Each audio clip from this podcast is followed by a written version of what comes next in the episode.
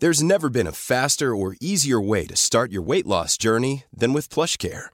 PlushCare accepts most insurance plans and gives you online access to board-certified physicians who can prescribe FDA-approved weight loss medications like Wigovi and Zepbound for those who qualify. Take charge of your health and speak with a board-certified physician about a weight loss plan that's right for you. Get started today at plushcare.com slash weight loss. That's plushcare.com slash weight loss. plushcare.com slash weight loss. Planning for your next trip? Elevate your travel style with Quince. Quince has all the jet-setting essentials you'll want for your next getaway, like European linen, premium luggage options, buttery soft Italian leather bags, and so much more. And it's all priced at 50 to 80% less than similar brands. Plus, Quince only works with factories that use safe and ethical manufacturing practices. Pack your bags with high-quality essentials you'll be wearing for vacations to come with Quince. Go to quince.com slash trip for free shipping and 365-day returns. Normally, being a little extra might be a bit much, but not when it comes to healthcare. That's why United Healthcare's Health Protector Guard fixed indemnity insurance plans, underwritten by Golden Rule Insurance Company, supplement your primary plan so you manage out-of-pocket costs. Learn more at uh1.com. Vad är egentligen meningsfullt med jobbet? Ja, för det pratas mycket om hur ett jobb är ett sätt att få ett viktigt sammanhang, ett sätt att vara en del av samhället. Mm. Men tyvärr känner inte alla att deras jobb har ett värde i deras liv. Jobbet kan till och med kännas meningslöst. Ja, så för många av oss så känns det här väldigt främmande, men enligt en undersökning som Novus gjort bland 2000 medarbetare så känner upp till en tredjedel så här faktiskt. Och varför är det så? Det ska vi prata om idag.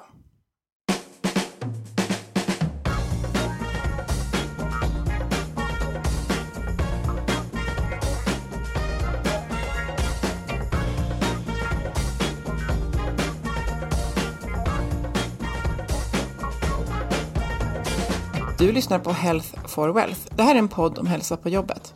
För hälsa, det handlar ju om så mycket mer än att knapra morötter och springa runt i tights. Ja, hälsa kan till exempel handla om bra samarbeten. Att både ha en tydlig riktning och frihet att agera självständigt. Och trygga ledare förstås, som har tid att leda. Mm. I den här podden tar vi ett helhetsgrepp på hälsan på jobbet. Allt ifrån hur vi hanterar gränslöshet, digitalisering, stillasittande till hur vi tillsammans bygger arbetsplatser där människor både kan må bra och prestera. Vi är Ann-Sofie Forsmark, jag driver företaget Oxigroup. Och Boel Stier, kommunikationskonsult. Lyssna på oss så får du inspiration och idéer varje vecka.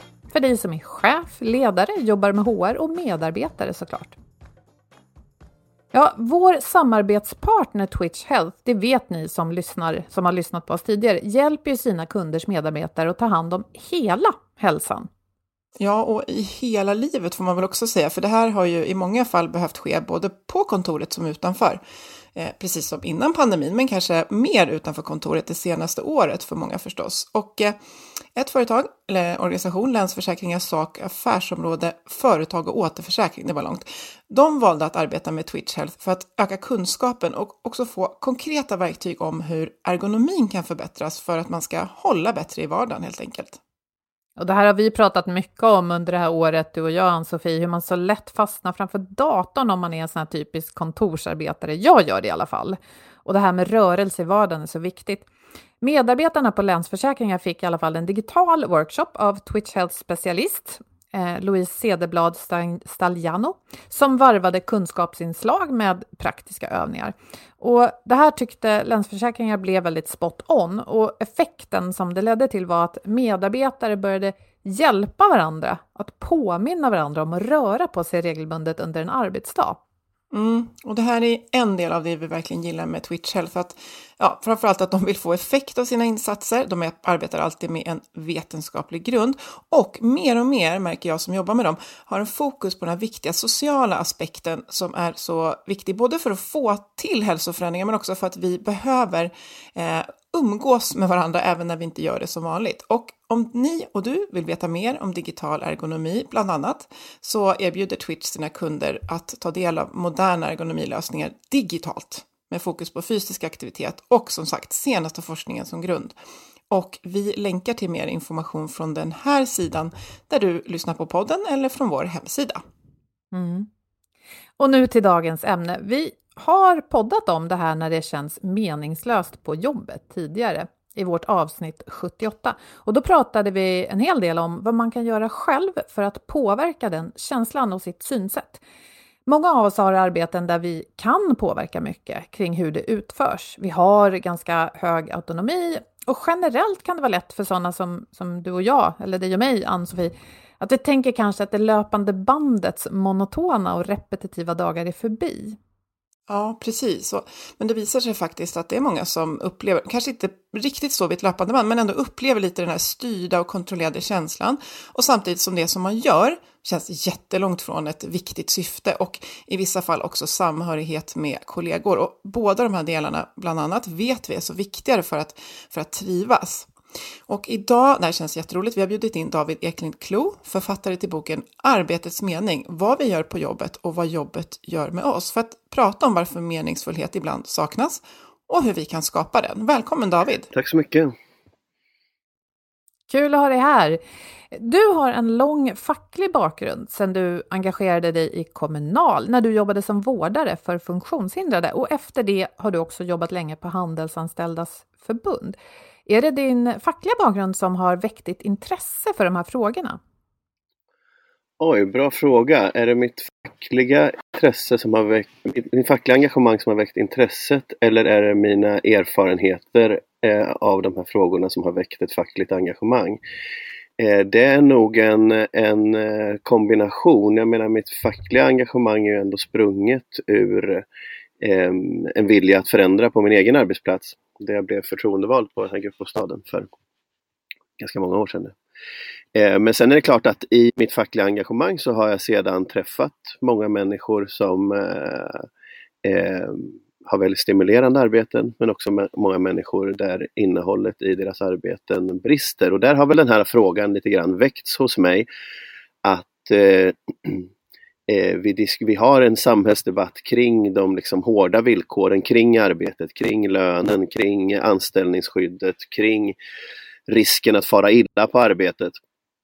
Jag tycker att vi har för lite samhällsdebatt om det, men det finns i alla fall en sån samhällsdebatt. Men vad gäller däremot själva innehållet i arbetet, huruvida man upplever att man ägnar sin energi och sin tid och sitt, eh, sina, sin, liksom, sina tillgångar sina resurser eh, till någonting som känns vettigt, det diskuterar vi inte särskilt mycket. Det, det, blir ganska mycket upp till individen själv att lösa de frågorna.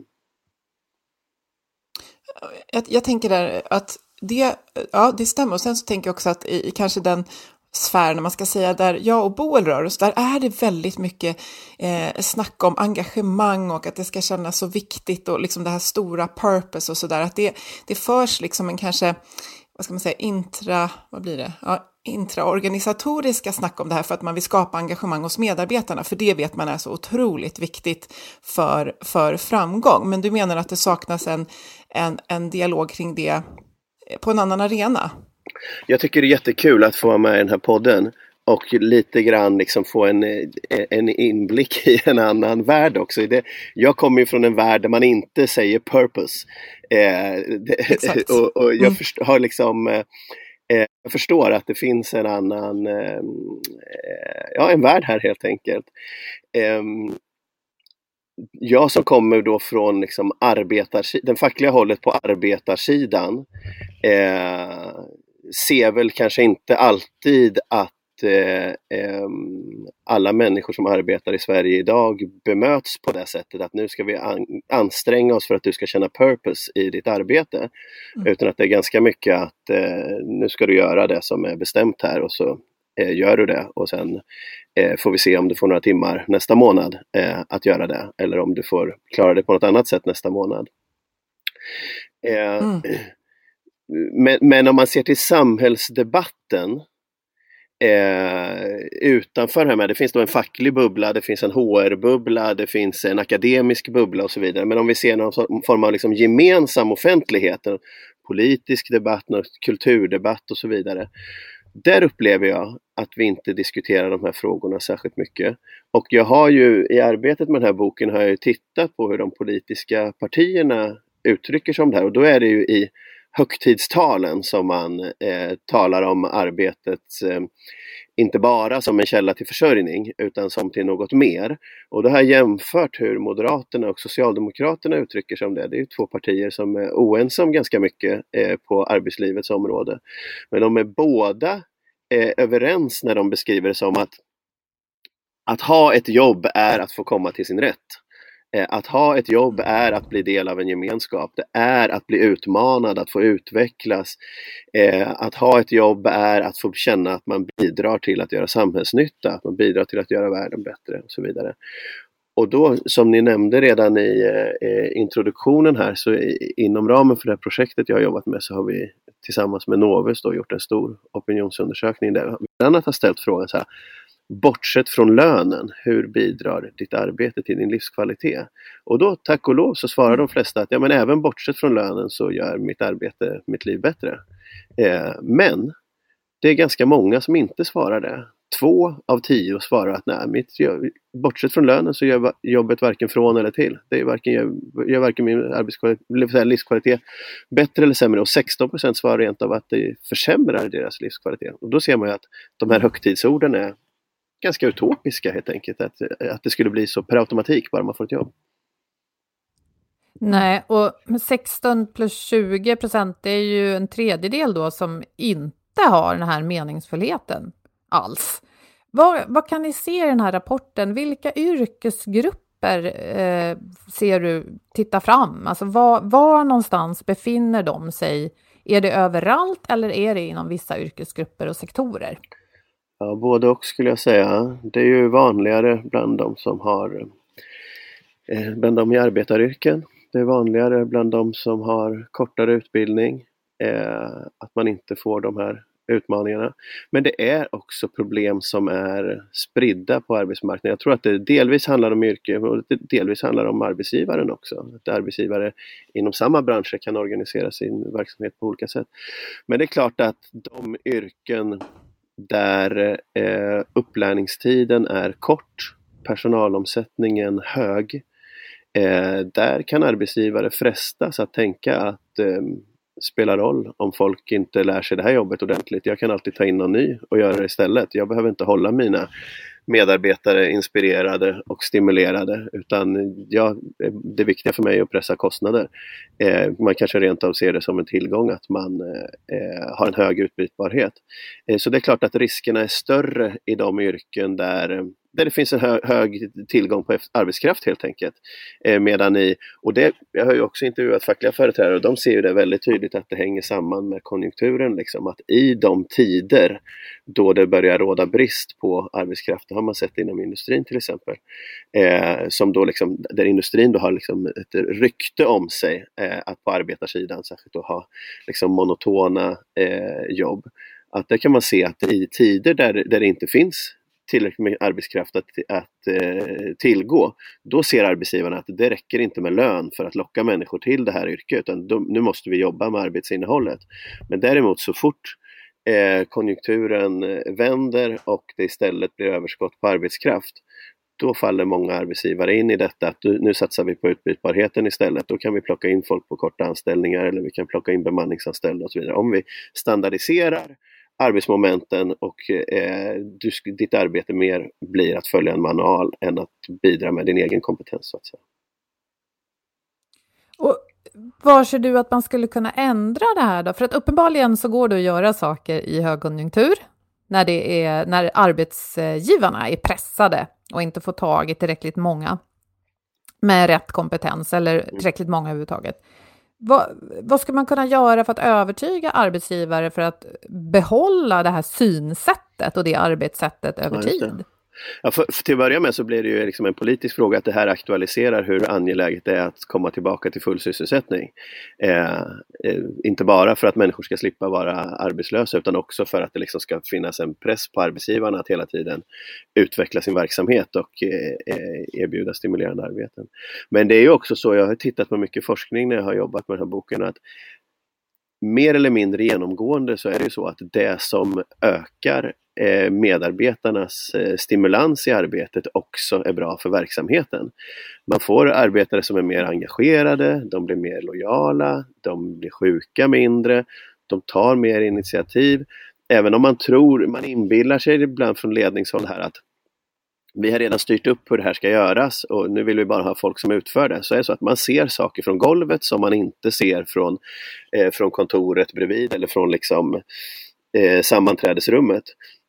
Så att ha medarbetare som har det mandatet och till och med uppmuntras att liksom eh, ta egna initiativ, kom med förslag på hur man kan förbättra verksamheten. Det är lönsamt i de allra flesta fall. Eh, och det tror jag att många arbetsgivare har mycket eh, att lära. Att, man, att det finns en, en outnyttjad eh, potential där. Men då är det klart att man också, det, det finns ju i grunden ekonomiska drivkrafter kring det här. Som vi, det ser vi ju i många delar av arbetslivet idag, att det är ett väldigt kortsiktigt tänk. Det är nästa bokslut man tänker på eh, istället för att göra mer långsiktiga investeringar. Det är ju också det här med att man eh, nyttjar människor på de här otrygga anställningarna som ju har blivit norm i vissa branscher. Att folk får gå månad till månad eller kanske till och med vecka till vecka eller i värsta fall arbetspass till arbetspass. Trots att de är en bärande del av verksamheten. Det är inte alls övertygande att, att det skulle vara lönsamt för arbetsgivarna att göra så. Mycket tyder på att de rent av förlorar ekonomiskt på att göra så. Likväl gör man så. På lång sikt, och det måste ju handla väldigt mycket om hur bolag styrs. Mm. Vi eh, resonerade lite, eller vi har i alla fall skrivit till varandra, du och jag, Ann-Sofie, om mm. Det finns bland annat en organisation i USA som samlar en väldig massa vd för större företag som heter Business Roundtable, som under många, många år, jag tror att de har funnits i 45 år, hade som sin liksom ledstjärna att det handlade om att tillfredsställa aktieägarna. Mm. Så, det var liksom deras högre syfte. Men att de ganska nyligen, för två år sedan tror jag, skrev om det här eh, manifestet och, och, skrev att nej, det funkar inte så längre, utan istället för shareholders så handlar det om stakeholders, alltså medarbetare, eh, kunder, samhället. Och drivkrafterna för att de skulle landa i det här beslutet är ju naturligtvis sådana eh, faktorer som klimatkrisen och nu även pandemin. Och jag tänker på hur pandemin har ju då eh, blottlagt en massa brister i vårt samhälle som plötsligt tror jag, vi som kanske inte jobbar i till exempel sjukvården eller äldreomsorgen ser, eh, som inte vi tänker på annars. Vad tror du, David, kan vi hoppas på en, en långsiktig utveckling mot något positivt här, eller kommer vi liksom att falla tillbaka i gamla spår när till exempel pandemin är över? Ja, den där frågan har jag funderat mycket på och jag tycker att det finns saker som pekar åt eh, båda hållen. Eh, den här pandemin är ju en eh, hälsokris, men det är också en existentiell kris. Vi har ju alla konfronterats med frågor om hur vi eh, eh lever våra liv, vad vi ägnar vår tid och våra resurser åt, hur vi, hur vi tillsammans säkrar upp att vi kan eh, tillfredsställa de mest grundläggande behoven i vårt i vårt samhälle för att vi ska kunna leva goda liv. Jag har ett exempel i boken här när eh, näringsministern blev intervjuad, det var väl ett år sedan ganska precis nu, i P1 och, då, och reporten ställer frågan, men kan man inte ålägga företagen att ställa om sin produktion eh, till att producera, eh, ja om det nu var skyddsutrustning eller vad det handlade om där. Det är en fråga som eh, en P1-reporter eh, aldrig skulle ha ställt till näringsministern eh, före den här pandemin, att, vi skulle, att regeringen skulle ålägga företagen vad de ska producera för någonting. Så det, vi har ju börjat diskutera frågor som vi inte har diskuterat tidigare. Jag tror att många människor själva har reflekterat över de här frågorna. Och om den här pandemin är en kris så är det ju bara en stilla bris mot vad klimatkrisen är och ja, inte minst för vilka pandemier som kommer utlösas ytterligare i dess spår. Eh, men sen är den ju inte akut på samma sätt så den verkar liksom inte ha väckt samma existentiella eh, diskussioner. Men det finns en förhoppning och det tycker jag man kan se också i mottagandet av den här boken att liksom eh, ja men att liksom Dagens Nyheters liberala Eh, ledarsida skriver om den att eh, jula, så att nu när det är jul och vi har pandemi, då är det tid att liksom tänka på vad ägnar vi vår tid åt egentligen och så vidare. Mm. Så jag tror det finns en sån öppning. Samtidigt så är vi ju i en tid av vad man måste kalla för massarbetslöshet. Och där det liksom är det, det akuta ekonomiska problemet att få människor i arbete och där tror jag tvärtom att det finns en risk att man faller in i det här ah, alla jobb är bättre än inget jobb eh, tanken att, det, att eh, kunna, att kunna vara stimulerad i sitt arbete det, det är en lyxfråga som vi inte har tid och, och möjlighet att eh, ägna oss åt i nuläget. Min personliga uppfattning är att de två sakerna går hand i hand. Att det finns ett samspel mellan arbetslöshetsbekämpningen och att stärka upp, förbättra innehållet i arbetet. Men eh, eh, det finns en risk att vi tvärtom går in i en tid när, när de frågorna blir ännu svårare att lyfta. En, en liten fundering där, apropå det här med menings, meningsfullhet. Så det, det finns en, en, bok som heter Bullshit jobb. Har du, ja, David, jag tror, nu vet jag inte Boel här, jag tror att vi har poddat om den, i alla fall bläddrat i den. Och där kan man verkligen sitta och liksom ibland lite småskratta åt jobb som man ser att ja, den här arbetsuppgiften i alla fall i många fall behövs inte. Medan det känns som att eh, det, de som du pratar om, de här 20 plus 16 procenten, de har ju i många fall yrken som är väldigt, väldigt viktiga. Alltså det här behöver göras i många fall, så att potentialen ligger ju på något sätt i arbetets utformning, att hitta mening, inte att de jobben inte är, eh, är meningsfulla. Hur, hur tänker du kring den där balansen? Vi har ju en väldigt bra sak i Sverige. Eller vi har många väldigt bra saker i Sverige. Nu bläddrar jag i min bok samtidigt här för jag vill hitta en mm. tabell. Uppslagsverk liksom. Ja, mm. precis. För att kunna svara på frågan. Men vi har en grej som är väldigt bra på svensk arbetsmarknad. Det är att vi har ganska höga lägstalöner i en internationell jämförelse. Och varför säger jag att det är bra? Det, det är ju ganska väntat att någon från facket sitter och säger att det är bra med höga lägstalöner.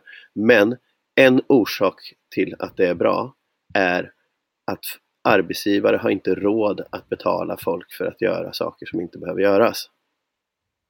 Mm, Detta med mm. de höga lägstalönerna, mm. jag tycker de är för låga, men i en internationell jämförelse är de höga.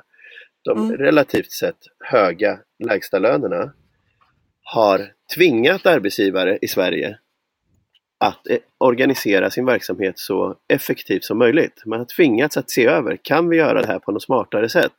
Eh, går det att göra det här med en mindre arbetsinsats? Det är därför vi inte har som i USA någon som står och packar ner maten i kassar åt en eh, när man har handlat i affären. Utan vi...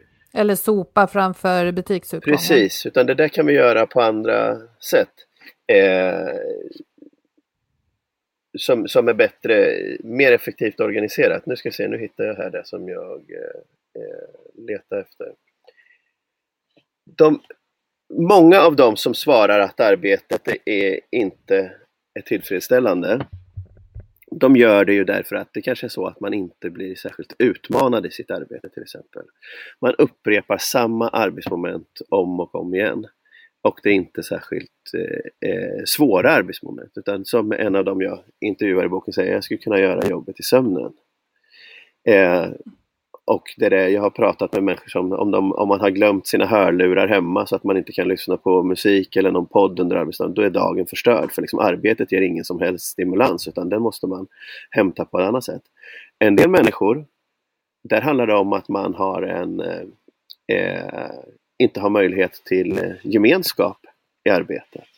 Man är isolerad från andra människor. I värsta fall så arbetar man helt ensam. Men det kan också vara så att man har arbetskamrater men man inte har möjlighet till gemenskap med dem. Jag kan ta Karin som exempel som jobbar på ett stort lager, ett modeföretags lager och man har en samling där varje morgon där man går igenom dagens, vilken plocktakt som ska gälla eh, under dagen.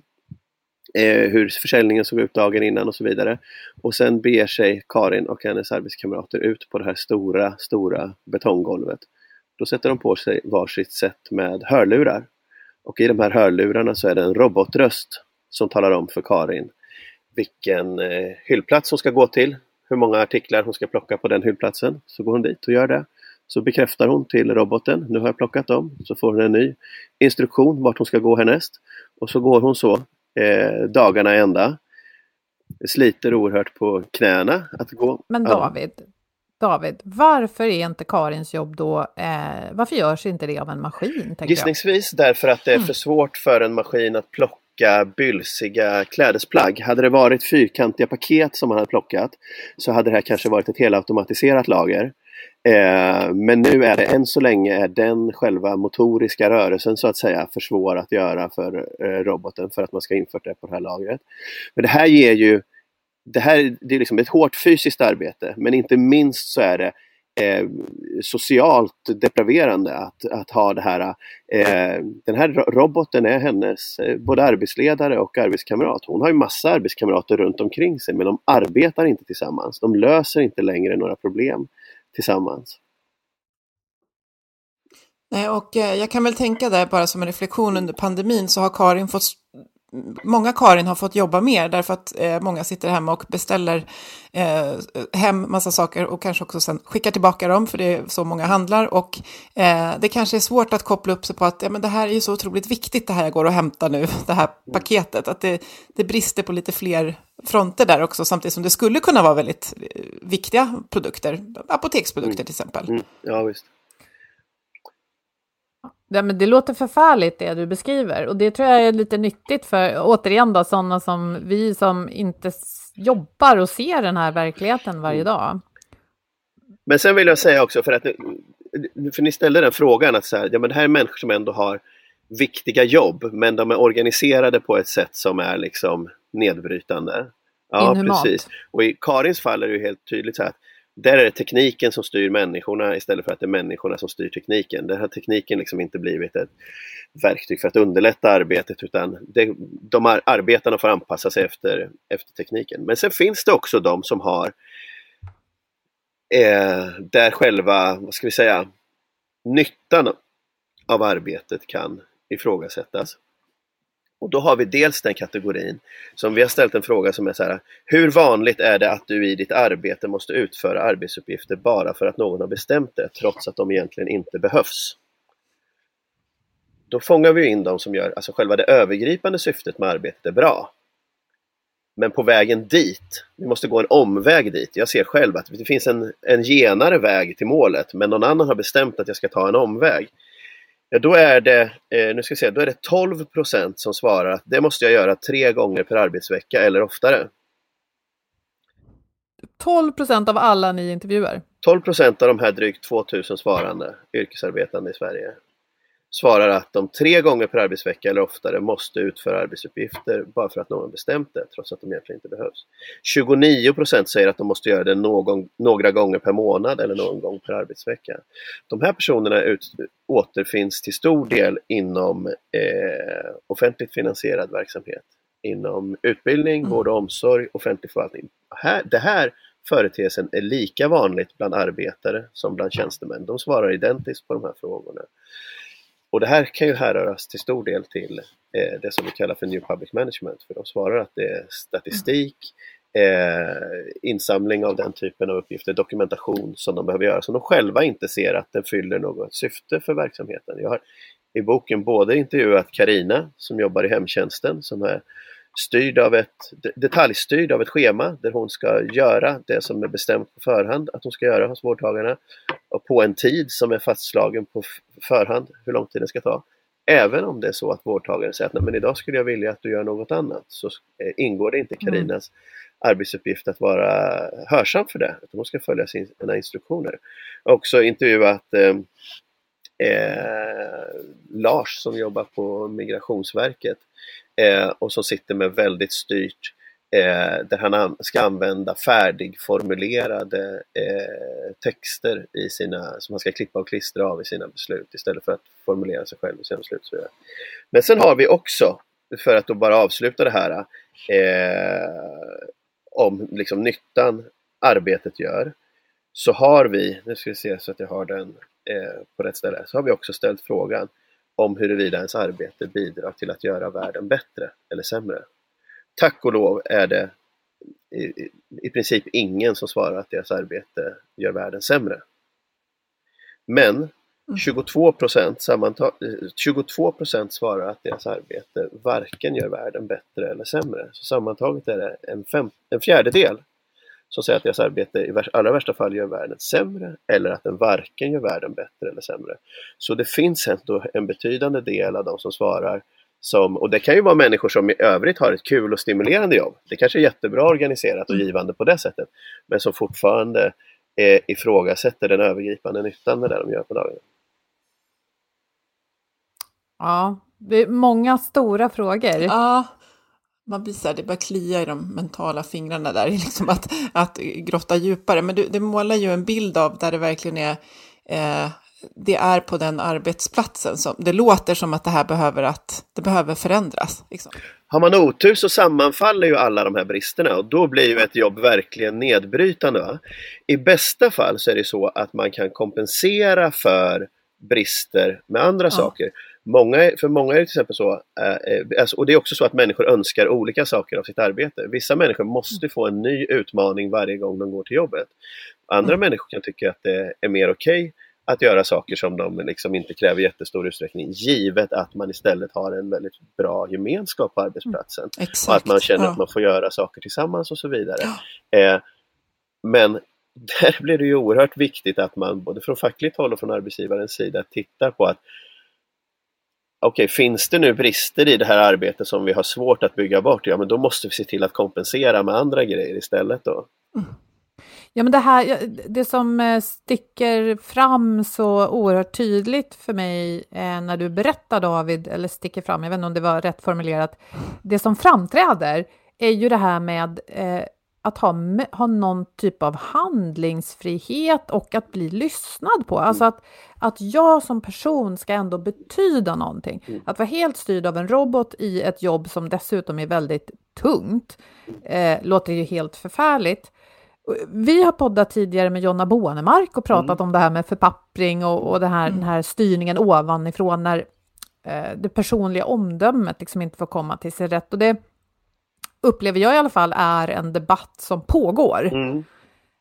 Eh, och som jag förstår i alla fall har det lett till den här tillitsdelegationen och att man åtminstone har en ambition i offentlig sektor att jobba annorlunda. Sen hur det då går, det vet inte vi riktigt idag. Så det är väl bra då. Men jag tänker att slutsatsen för mig blir i alla fall att det är ju inte arbetstagarnas, makten är ju inte hos dem, utan det handlar om ledning mm. och styrning och att komma bort från, jag tänker i näringslivet, att komma bort från kvartalsstyrningen. Mm. Eh, men också handlar det förstås om någon typ av politiska beslut. För det du, du pratade tidigare om lön, David. Ja. Att det kan vara en positiv faktor att lägsta lönen eh, inte är för låg. Mm. För då ser man till att det man gör ändå ska liksom vara värdeskapande på något mm. sätt. Men där kommer ju ett annat problem att eh, om du då tänker som arbetsgivare att ah, vi måste betala de här lönerna, då ska vi krama ur allt vi kan av den här ja, men hemtjänst eh, till exempel. Mm. Och så är man tvungen att lägga in alldeles för mycket i hans eller hennes scheman då. Och liksom, var någonstans tänker du David att vi behöver börja? För, för du pratar ju om att demokratisera arbetslivet. Om du liksom skulle ge oss tre saker som vi som samhälle behöver göra annorlunda, vilka är de idag?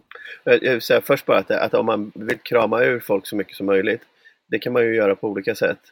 Eh, ett är ju så här, spring fortare, utför mm. fler arbetsuppgifter på kortare tid. Ett annat är ju att utöver det som är dina arbetsuppgifter, eh, dina liksom snävt definierade arbetsuppgifter, eh, tillför saker utöver det. Ta egna initiativ. Eh, ha, du ska inte bara eh, producera det här utan du har en del av kundkontakten också. Eh, du får ett liksom bredare ansvarsområde. Jag läste en, en eh, eh, avhandling som kom här nyligen av en genusvetare som heter Kristin Linderoth som har eh, intervjuat kommunalarbetare som de bland annat pratar om eh, lokalvård, med lokalvårdare som jobbar i skolan. Som säger att ja, kärnan i mitt arbete, det är ju kontakten med eleverna. Eh, jag är ju här som mm. en av de vuxna i de här elevernas, eh, eh, elevernas eh, vardag. Och kan du göra på det sättet, ja du ska städa, men du ska dessutom vara en resurs, en tillgång för de här eleverna som kan prata, kanske kan prata med lokalvårdaren eller vaktmästaren om saker som de inte kan prata med sin betygssättande lärare om. Kanske den som är på plats i rasthallen och ser när mobbing inträffar och så vidare. Ja, då har du fått ut mer ur den personen. Än om den, så det, du får inte bara ut mm. mer genom att säga städa fler toaletter på kortare tid. Du kan säga att kan ju också få ut mer genom att säga att samtidigt som du städar toaletterna så har du också ett ansvar, eh, ingår i dina arbetsuppgifter att vara en vuxen eh, i skolan här. Jag tror ju, som du säger, så är det klart att det här handlar om styrning eh, och att det är maktfrågor som är involverade i detta. Och då tror jag att en nyckel är inte bara att de som styr ska styra på ett annat sätt utan att fler ska få bli involverade i styrningen. Man helt enkelt behöver eh, demokratisera arbetslivet, man behöver flytta makt neråt i organisationerna, makt och inflytande. Att man i möjligaste mån ska ha utrymme att forma sina egna arbetsuppgifter. Att titta på hur man eh, tar sig dit. Ju, ju mer man liksom eh, ju mer eh, förtroende man kan eh, ge dem som utför arbetet att själva liksom hitta vägen framåt eh, desto bättre tror jag. Och på den tiden då vi experimenterade med sånt här i Sverige, vilket vi gjorde fram till 90-talskrisen, det fanns stora eh, projekt för det goda arbetet, det fanns hela eh, försöksverksamhet, det fanns hela fabriker som man byggde efter principen om teamarbete där man istället för att stå vid löpande bandet och bara dra åt sin skruv så skulle man jobba från, från den första skruven till dess att bilen var färdig. Eh, och man var, jobbade i team som la upp det här arbetet tillsammans. Man fick cykler på många, många timmar istället för att som nu eh, intervjuat eh, eh Nathalie som jobbar i industrin till exempel, som har en cykel på ungefär fem minuter innan hon ska börja om och göra samma sak eh, som hon gjorde tidigare. För i, på monteringsdelen av industrin så har det löpande bandet, det rent fysiskt konkreta löpande bandet, kommit tillbaka. Eh, Taylorismens återtåg. Exakt, exakt. Mm.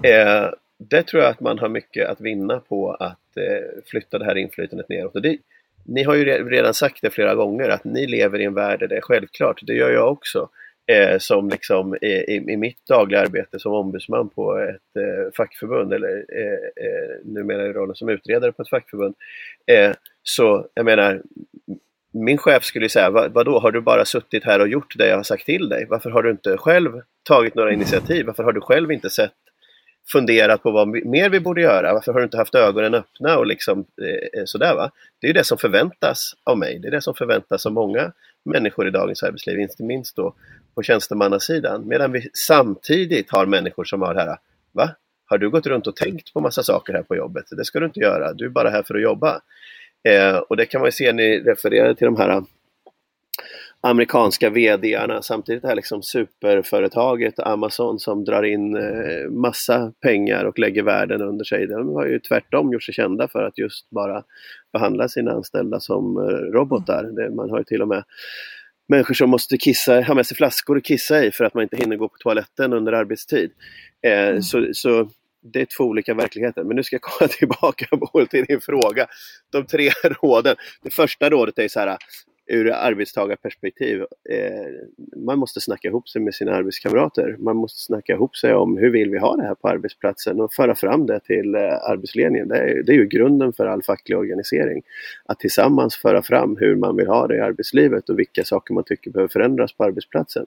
Och där måste fackföreningarna utarbeta verktyg på samma sätt som vi har verktyg för hur går ni tillväga om ni har fått ett helt ohållbart schema på arbetsplatsen så måste vi ha verktyg för om ni tycker att ert arbete är själsdödande, om ni ser att man skulle kunna eh, organisera det här på ett sätt som blir mer stimulerande men vår chef vill inte lyssna på det örat. Hur går ni tillväga då? Det är ju ett ansvar som, eh, som fackföreningarna har.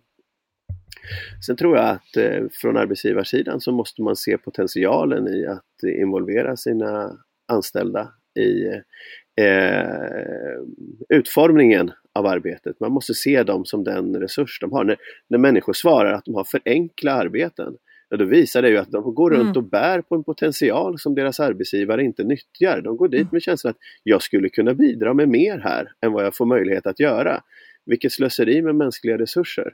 Eh, det måste arbetsgivare få upp ögonen för. Eh, att se den möjligheten och att också se värdet i att ha en långsiktighet i sin personalpolitik. Människor som blir lojala och som stannar kvar och som blir engagerade och som som bidrar till att utveckla både arbetet exakt, och organisationen. Exakt, och ska jag sen ge ett tredje råd, då får jag, då får jag väl vända mig till politiken då. då. Att man kan inte ha den här inställningen att bara folk får ett jobb så löser det sig. Eh, bara människor har ett arbete att gå till så får de upplevelsen av att komma till sin rätt. Det är en utopisk föreställning. Eh, givetvis är det så att arbetslöshetsbekämpningen måste vara liksom eh, prio ett och särskilt nu i en tid med så hög arbetslöshet. Men det betyder inte att vi kan liksom lämna frågan om arbetets innehåll därhän eller, eller rent av, som vissa politiska förslag pekar mot, aktivt stimulera framväxten av mindre kvalificerade eh, arbeten som är mindre stimulerande. Utan man måste se det som två sidor av samma mynt. Om en människa ska få lämna eh, arbetslöshetens eh, vedermödor bakom sig så är det, det, det första steget givetvis att hon får ett arbete. Och då kan hon lämna vedermödan att, att, klara sin försörjning bakom sig. Men det finns också många människor som har ett arbete som fortfarande bär på en del av de vedermödor som arbetslösheten för med sig. Känslan av att ingen tycker att det jag gör är viktigt. Känslan av att vara socialt isolerad. Eh, känslan av att ha hittepå eh, eh, arbetsuppgifter och så vidare. Och det måste vi se att om människor ska få lämna det bakom sig, ja då är det givetvis det första steget att man får ett arbete, men sen att vi går vidare och tittar på ja, det, det, handlar ju om en slags behovstrappa. Det är klart att det viktigaste är att det, ett mer grundläggande steg är att människor har en säker försörjning. Men sen måste vi som ett välfärdssamhälle kunna titta på hur kan vi ta de nästa stegen på, i den eh, behovstrappan. Inte bara eh, de här eh, hygienfaktorerna utan också de liksom mer Eh, ja, det där vet ni vad det kallas för, de andra faktorerna som är mer än hygienfaktorer. Alltså jag, jag tänker, det du beskriver nu, det, det är inte, fel ord igen, lustigt att det här inte omsätts mer i praktik, därför att det finns så väldigt mycket studier och forskning bakom på att jobba med att komma till rätta med de här utmaningarna och dina förslag är också bra för den som bara bryr sig om vad som kommer ut i plånboken på andra sidan. Det är eh, liksom bra, precis som du har varit inne på, det är bra för verksamheten när människor är med och eh, vi har pratat om det, jobcrafting, alltså att jag är med och känner att jag skapar min tjänst och de allra flesta människor alla som jag har mött eh, är, vill ju göra ett bra jobb och vill kunna, liksom, de, man ser saker man kan förbättra och man vill få kraften att göra det. Och det är bra både för mig som medarbetare och organisationen där jag jobbar. Så det är ju väldigt frustrerande att det ska behöva vara så här som du beskriver i din bok. Och dina råd är ju som sagt så i linje med, eh, det finns liksom studier och forskning mm. på att det här är bra. Visst är det så. Mm. Sen tänker jag, eh, förlåt. Kom in David, jag pratar Ja, nej, men, nej jag, jag, bara instämmer att visst är det så. Jag, jag tror att om man ska då liksom um, skicka in en lite vass fråga i det här, uh, i den världen som ni befinner er i och som jag antar att många av era lyssnare befinner sig i. Som ni säger att det här är det här är så centrala frågor när man diskuterar det här, att hitta, människor måste hitta sin motivation och så vidare. Um, eller att att man måste erbjuda den möjligheten. När man säger de sakerna, vem är det man tänker på då? Vem är det man ser framför sig? Är det den som är lik en själv? Har samma utbildningsbakgrund, eller motsvarande jämförbar utbildningsbakgrund som en själv? Eh, ett arbete, ett tjänstemannaarbete där, som erbjuder en liknande frihet och eh, förutsätter att man tar initiativ liknande det som det gör för en själv. Eller tänker man också på de kollektivanställda? Tänker man också på de som står på golvet och gör jobbet? Tänker man på Nathalie som står vid det här eh, löpande bandet? Tänker man på Lovisa eh, som står ute vid den här heminredningsbutiken där det är bestämt hur många sekunder det får gå från det att kunden kommer in i butiken till dess att hon ska ha hälsat på den. Där det, där det är reglerat vilka frågor hon ska ställa till kunden, hur hon ska erbjuda eh, vad, vilka olika saker hon ska erbjuda kunden, där det är reglerat hur hon ska försöka sälja på folk saker som de egentligen inte vill ha. Eh, mer saker än det de, de kom dit för att de ville köpa. Tänker man på, tänker man på Lars som sitter på det här eh, på Migrationsverket och tar de här besluten om och om igen utan att träffa klienterna, eh, utan att formulera sig själv eh, i besluten. Tänker man på, på Karin på det här lagergolvet. Eh, tänker man kort sagt på arbetarna eh, som kanske har en annan utbildningsbakgrund än vad man själv har, som kanske har ett yrke som man själv har väldigt svårt att identifiera sig med, som man inte alls, när man tänker på sina barn, tänker att det där är någonting som mina barn ska jobba med i livet, utan någonting som man ser att det är andra människor som jobbar med det. Eh, det blir ju en helt avgörande fråga. Det är väl bekvämast att bara, ja, det blir väl bekvämast att bara blunda för det egentligen. Och där tänker jag att det du gör nu, eh, som du gör i din bok och som många journalister också gör, är ju att namnge och lyfta fram mm. eh, konkreta exempel på personer och arbetsplatser där det faktiskt är dåligt. För jag tror att det är det som behövs. För de svepande uttalanden om att ja, det är många som liksom inte kommer till sin rätt, det, det blir inte så mm. hårt och tydligt. Mm. Jag måste bara säga att det finns en vd för ett eh, ja, så här kosmetikaföretag som säljer en massa ja, eh, smink och badrumsprodukter och whatnot på nätet som eh, kallar sig för lagerarbetare. Och det tänker jag är bra signal också. Sen kan ju det, jag har inte jobbat där själv, så att jag vet inte vad det egentligen konkret innebär i, i den verksamheten. Men jag tänker att det är en bra signal om vad sker det viktiga arbetet mm. i en e-handel. Ja, mm. men det är ju där, där man mm. faktiskt mm. levererar.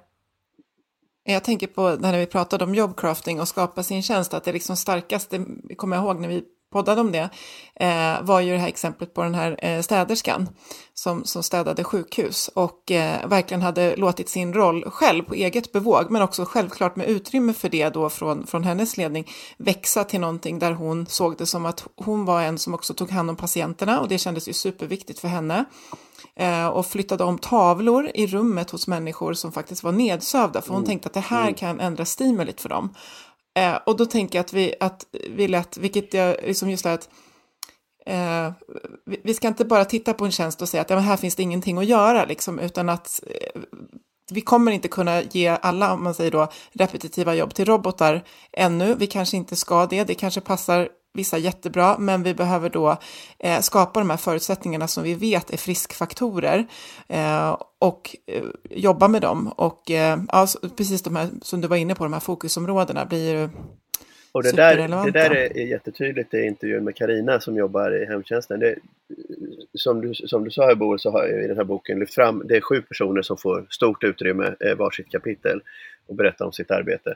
Eh, och sen är det också korta glimtar från andra personer som jag intervjuat, intervjuat ett 40-tal personer sammantaget om deras arbete i, i arbetet med den här boken. Och sen har vi också gjort den här stora enkätundersökningen för att få både liksom statistiken och de enskilda exemplen.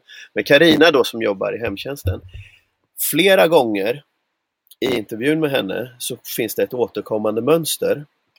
När jag frågar henne så här, om du om du hamnar i den här situationen, om du är hemma hos en person för att hjälpa den att gå på toaletten och så säger den att jag skulle vilja ha lite gröt också. Eller om du är hemma hos någon för att eh, eh, hjälpa den med lunch och så säger den att kan du måla mina naglar? Vad gör du då? Eh, då säger Karina genomgående så här, jag gör, då gör, hjälper, gör jag ju det. Jag är ju hemma hos en människa. Mm. Eh, Okej, okay. ingår det i ditt jobb att göra det? Ja, skulle du fråga min chef så skulle jag säga att det inte ingår i mitt jobb. Men jag tycker att det ingår i mitt jobb. Okej, okay, får du göra så? Och då kommer det helt plötsligt en så här... Här uppstår ett, en gråzon. Det är inte uttalat förbjudet att göra det. Hon, hon, flera gånger måste hon tänka efter. Så att, ja, jo, vänta nu. Jo, men jag säger, jo, jo, jag säger att jag kastar om schemat här. Jag, går, jag, går till en, jag tar vårdtagarna i en annan ordning än jag fick på schemat. För jag vet själv att det är bättre att ta dem i den här ordningen. Jo, det får jag. Hon får tänka efter liksom. Men det är inte så att det är uttalat att bra att du gör det. Det är inte så att det uppmuntras. Det är inte så, mm. vilket ju vore det allra bästa, att det stod i instruktionerna. Den här damen uppskattar att få sina naglar målade. Så eh, om det uppstår ett utrymme, fråga gärna om hon vill ha naglarna målade. Det är samma sak med Lars som jobbar i, i, på Migrationsverket. Han är ju själv ansvarig för de beslut han fattar. Så han eh, han äger frågan hur djupt han ska gräva i ett ärende. För han måste gräva så djupt som han bedömer är nödvändigt för att kunna fatta sitt beslut. Samtidigt så är det som mäts hur många beslut man fattar. Det som mäts är kvantiteten samtidigt som han har ett ansvar för kvaliteten. Mm. Och där uppstår återigen det här, om jag, när jag frågar honom, vad säger din arbetsgivare liksom? Ja, jo, de säger ju att man ska göra det här. Men samtidigt så är det de mäter hur många beslut man fattar.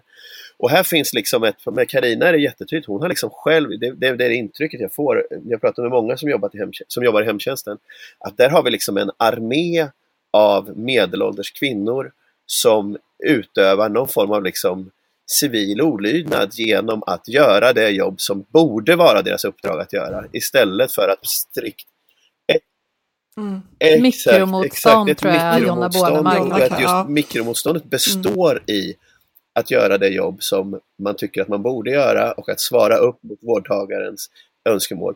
Ja, Bekostnaden för, kostnaden för det är ju att man inte får någon lunchrast. Eh, att man inte hinner med sina arbetsuppgifter, att man gör saker obetalt, att man springer för fort.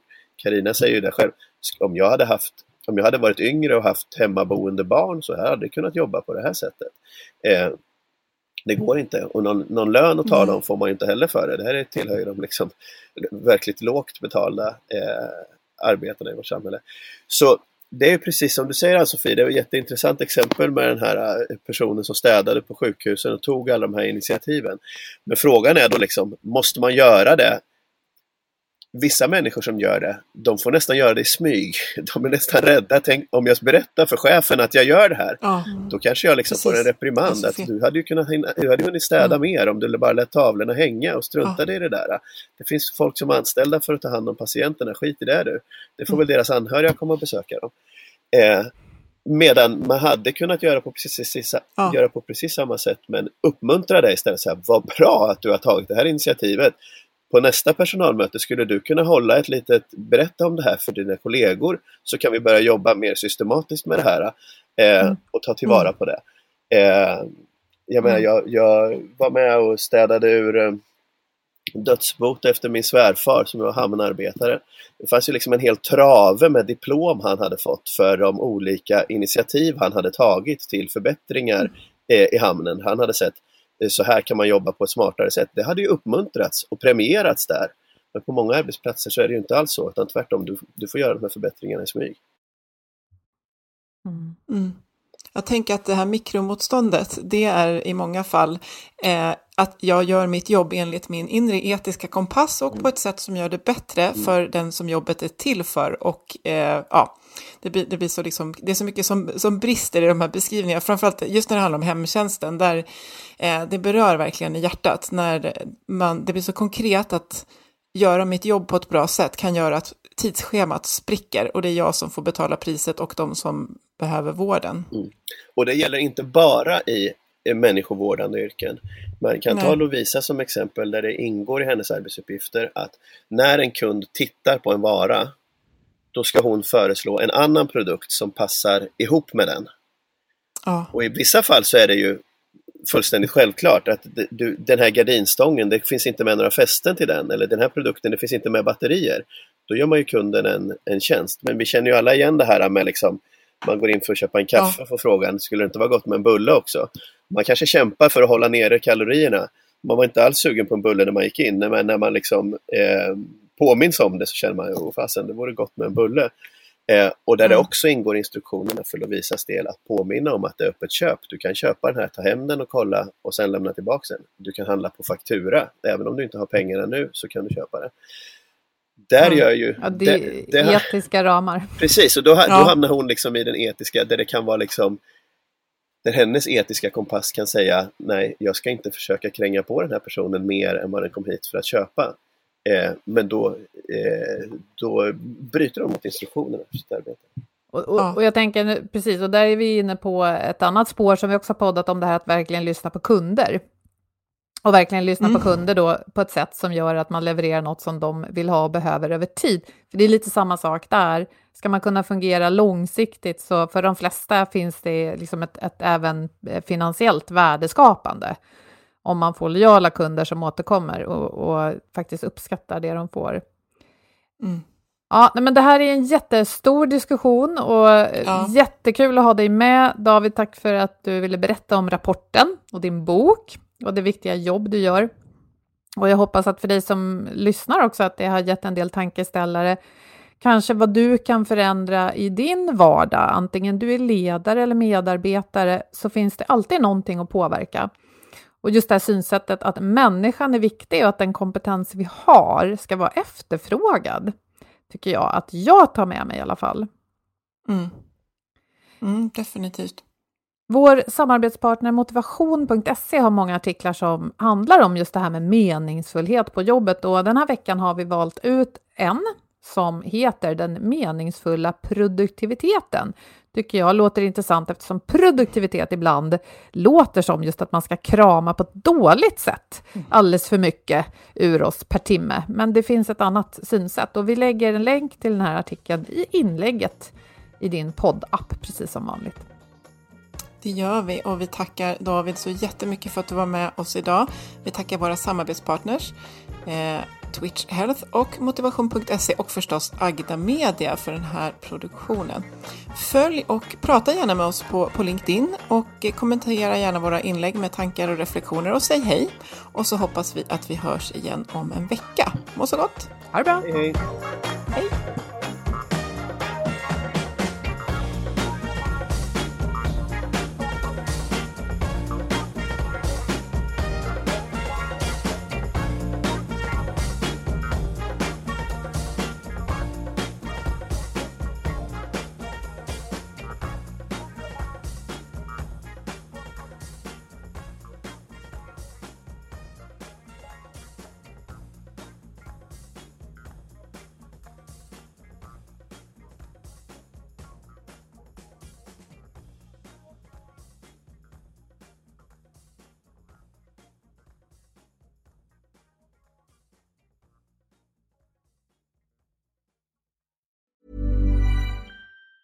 Planning for your next trip? Elevate your travel style with Quince. Quince has all the jet setting essentials you'll want for your next getaway, like European linen, premium luggage options, buttery soft Italian leather bags, and so much more. And it's all priced at 50 to 80% less than similar brands. Plus, Quince only works with factories that use safe and ethical manufacturing practices. Pack your bags with high-quality essentials you'll be wearing for vacations to come with Quince. Go to quince.com slash trip for free shipping and 365-day returns. Mom deserves the best, and there's no better place to shop for Mother's Day than Whole Foods Market. They're your destination for unbeatable savings, from premium gifts to show-stopping flowers and irresistible desserts. Start by saving 33% with Prime on all body care and candles. Then get a 15-stem bunch of tulips for just $9.99 each with Prime. Round out Mom's menu with festive rosé, irresistible berry chantilly cake, and more special treats. Come celebrate Mother's Day at Whole Foods Market.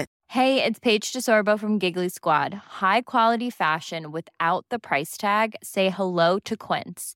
I'm snagging high-end essentials like cozy cashmere sweaters, sleek leather jackets, fine jewelry, and so much more. With Quince being 50 to 80% less than similar brands. And they partner with factories that prioritize safe, ethical, and responsible manufacturing. I love that. Luxury quality within reach. Go to quince.com slash style to get free shipping and 365 day returns on your next order. Quince.com slash style.